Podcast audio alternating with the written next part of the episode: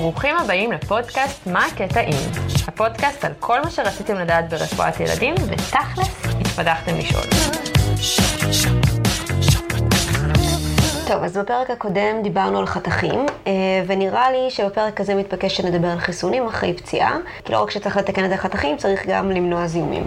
אז אנחנו הולכים לדבר על טטנוס ועל כלבת. טוב, טטנוס, למי אנחנו נותנים בכלל חיסון?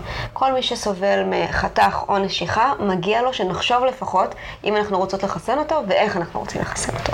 ולפני שאנחנו מתחילות את כל החשיבה הזאת, אז בואו נדבר בעצם איזה חיסונים יש לנו. חיסון פעיל וחיסון סביל. עכשיו, לטובת כל מי שמתבלבל בין חיסון פעיל לחיסון סביל, כלומר אני, תעשי לי שנייה סדר, מה זה מה?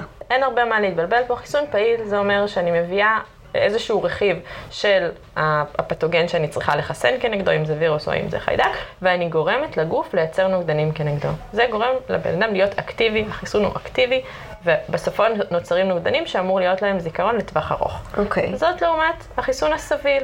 אתה פסיבי, יושב לך, לא עושה כלום, מישהו לקח, ייצר כבר את הנוגדנים מקודם, בין אם זה בגוף של אדם אחר, בין אם זה רקומביננטי, בין אם זה בתוך גוף של סוס, לא משנה. אחר כך אני אוספת את הנוגדנים האלה ופשוט נותנת אותם לילד, והוא לא צריך לעשות כלום. לצערנו, פשוט החיסון הסביל לא נשאר להרבה זמן, אין לו זיכרון. ברגע שהנוגדנים האלה ייעלמו מה... המערכת, לא יהיה יותר זכר בגוף לחיסון. זאת אומרת, לחיסון פעיל ייקח יותר זמן לגוף לבנות חיסוניות, חיסון סביל הוא יקבל את מה שהוא צריך עכשיו. אוקיי. עכשיו יש לנו גם שני תרכיבים הרי לחיסון הפעיל, נכון? יש D-TAP ו-T-DAP. אם אנחנו הולכים שנייה אחורה לתוכנית של החיסונים, יש לנו ארבע חיסונים שאנחנו מקבלים בגיל שני חודשים, ארבעה חודשים, שישה חודשים וגיל שנה, זה ה-D-TAP. שני החיסונים שמקבלים בגיל 7 וגיל 13, שזה בכיתה א' ובכיתה ח', זה ה-Tdap, שאלו בעצם הבוסטרים. הם לא נחשבים כחיסון, הם נחשבים כבוסטרים. בעצם ההבדל בין D-Tap ל-Tdap הוא במינונים בכל אחד מהם, שה-D-Tap משמש כחיסון, וה-Tdap משמש כבוסטר. ועוד דיוק קטן אבל חשוב, זה שבמיון יש לנו שני חיסונים שבעצם לא מכילים את הפרטוסיס. יש לנו חיסון שנועד למתחת לגיל 7 שנקרא D גדולה T גדולה, DT, ויש DT של D קטנה T גדולה, שוב במינונים קצת שונים, אבל הוא משמש כבוסטר למעל גיל 7. לצערו של אותו ילד חמוד שהגיע למיון וקיבל חיסון, זה לא יחסוך לו את הבוסטר של כיתה ב', כי הוא עדיין חייב להתחסן לפרטוסיס. אוקיי. Okay. עכשיו מגיע לנו נגיד ילד למיון, ויש לו חתך או נשיכה, ואנחנו צריכות להחליט האם אנחנו נותנים טטנוס. אנחנו צריכות להתייחס בהחלטה שלנו לשני דברים. קודם כל, הסטטוס החיסוני של הילד, ושתיים, מה חומרת הפציעה. אוקיי? אז רגע, אז פה בשביל לעשות את ההחלטה הזאת יש אה, טבלה שתכלס במבט ראשון נראית מה זה מסובכת, כתוב שם אה, immunized, non-immunized, ואז מתחיל yes, no, yes, no, די, זה קצת משגע את השכל, אבל בעצם יש פה משהו מאוד מאוד פשוט ומאוד ברור, ואנחנו נתחיל מהקצוות ומהדברים שהם מאוד obvious. אוקיי. Okay. אז נגיד מגיע לי ילד שהוא לא מחוסן, אימא שלו היפית, לא מחסנת, אה, משתתפת במחסנים לדת או לא משנה, והוא מגיע עם פצע ממש ממש מכוער. זה בכלל אין שאלה, אנחנו נותנים גם חיסון פעיל, כי אנחנו רוצים לתפוס אותו כבר עכשיו, יאללה, ניתן לו חיסון שימשיך איתו שנים ארוכות, אבל גם עד שהוא יפתח נוגדנים לחיסון שאנחנו נותנות, אנחנו צריכים לתת לו גם חיסון סביל, כדי שכרגע יילחם בטטנוס אם יש לו אה, סיכוי להידבק.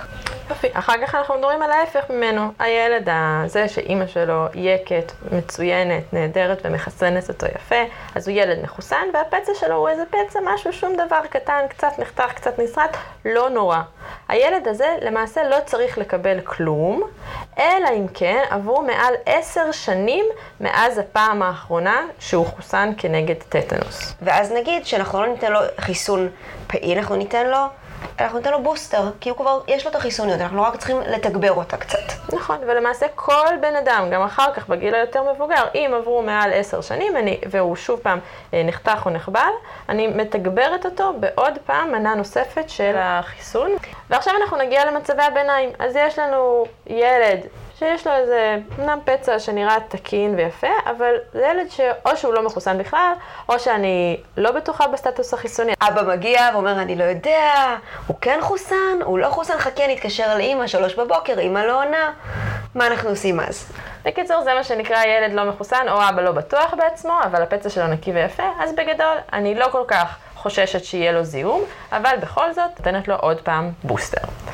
ועכשיו על המצב הנוסף, זה ילד מחוסן, אבל יש לו פצע מרוטש, מכוער, נראה מזעזע, אז רק אם עברו יותר מחמש שנים מהבוסטר האחרון שלו, אז אני מתגברת אותו בבוסטר נוסף. כי הבסיס שלו בעצם שכבר יש לו חיסוניות בגוף, כי הוא קיבל את החיסון הפעיל כמו שצריך. ואני מקווה ש... שהנוגדנים שיש לו בזיכרון יתחילו לפעול, אבל just in case אני אצטרך לתת לו בוסטר. ועכשיו הטיפ לסגור את זה באופן פרקטי במיון.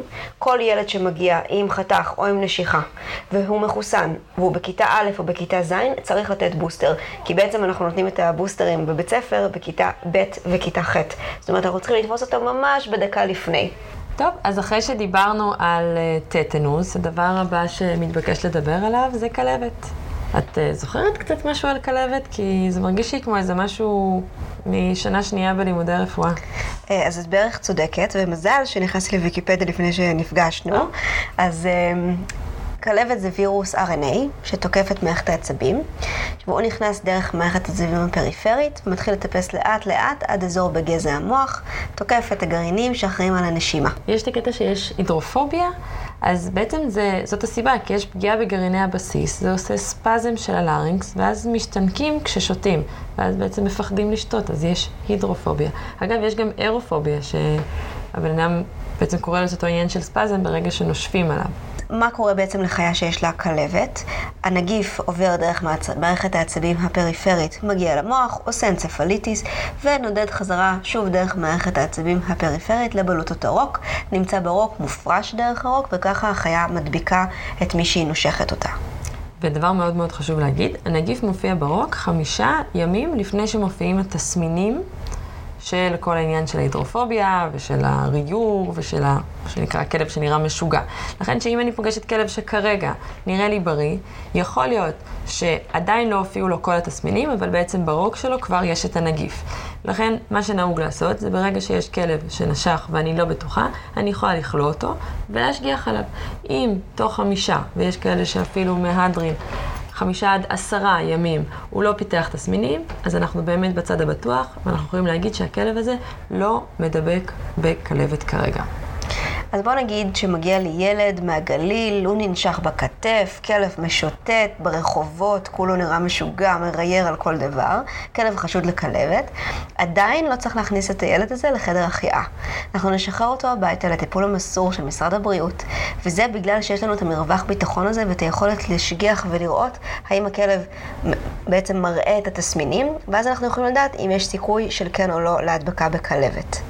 אגב, באמת תקופת דגירה של כלבת יכולה להיות בין כמה ימים, ואפילו יש תיאורים של כמה חודשים שיש תקופת דגירה עד שבעצם הנגיף פורץ ומגיע למערכת העצבים ומגיע לרוק. שזה לא קשור לכמה זמן לוקח עד שמפגינים את התסמינים, זה שני דברים שונים, וצריך ככה לא להתבלבל. נכון. אז בעצם, אוקיי, אנחנו הודענו למשרד הבריאות, מה יש למשרד הבריאות ביד, שאנחנו אין לנו ואנחנו לא יכולים ככה להגיד לילד, תעשה ככה, תעשה אחרת? מה, מה כל המידע הסודי הזה שהם מסתירים? אז משרד הבריאות פשוט מאגד את כל הנתונים העדכניים לגבי הכלבת שיש בארץ, וגם משרד הבריאות יכול להכניס חיה להסגר, מה שאנחנו במיון לא נוהגים לעשות, אה, ומשרד הבריאות יכול בעצם להחליט איזה חיסונים לתת ומתי. אז אם נגיד ככה בחשיפה לכלבת, מה חשוב לנו לברר בתור אה, רופאים במיון, אז דבר ראשון, באיזה אזור בארץ. בישראל בדרך כלל אנחנו מדברים על אזור הגליל, הגולן, עמקי הצפון ואזור השומרון. אנחנו צריכים לברר באיזה אזור הכלב או החיה אה, נשכו. ככל שאנחנו יותר קרובים לראש, זמן הדגירה יהיה קצר יותר. וכמובן גם מה סוג החיה. אמ, בארץ אנחנו בעיקר מדברים על תנים ועל כלבים, בארצות הברית למשל אנחנו מדברים בעיקר על עטלפים. אז זה ככה מידע שיהיה חשוב למשרד הבריאות אה, לדעת, וגם זה הדברים שצריך להנחות את ההורים ואת הילדים להגיד כשהם מדברים איתם. ופרט מאוד מאוד חשוב, לא משנה כמה הכלב הזה נראה לכם משוגע, כל עוד לא הייתה חדירה בעצם של שיניים, אין סכנה לכלבת. זאת אומרת שאם כלב ליקק אתכם, זה לא מדבק בוודאות. אז מה הדבר היחיד שנשאר לנו לעשות עם ילד כזה, שהגיע למיון וננשך ועדיין אין לנו מה לעשות כי משרד הבריאות אה, סגור כרגע? אבל בכל זאת מדגדג לנו ככה לתת איזשהו טיפול להורים המסכנים שככה באו לחוצים למיון, אנטיביוטיקה. וזה בגלל שיש בפה של החיות אה, חיידק, בייחוד אה, חיידק אה, שנקרא פסטורלה וגם חיידקים אחרים, ובשבילם אנחנו נותנים את האוגמנטין. וככה אפשר לשחרר את הילד ולהגיד לו מחר בבוקר לגשת למשרד הבריאות. אז עד הפעם הבאה, תמשיכו לשאול ולהתפתח.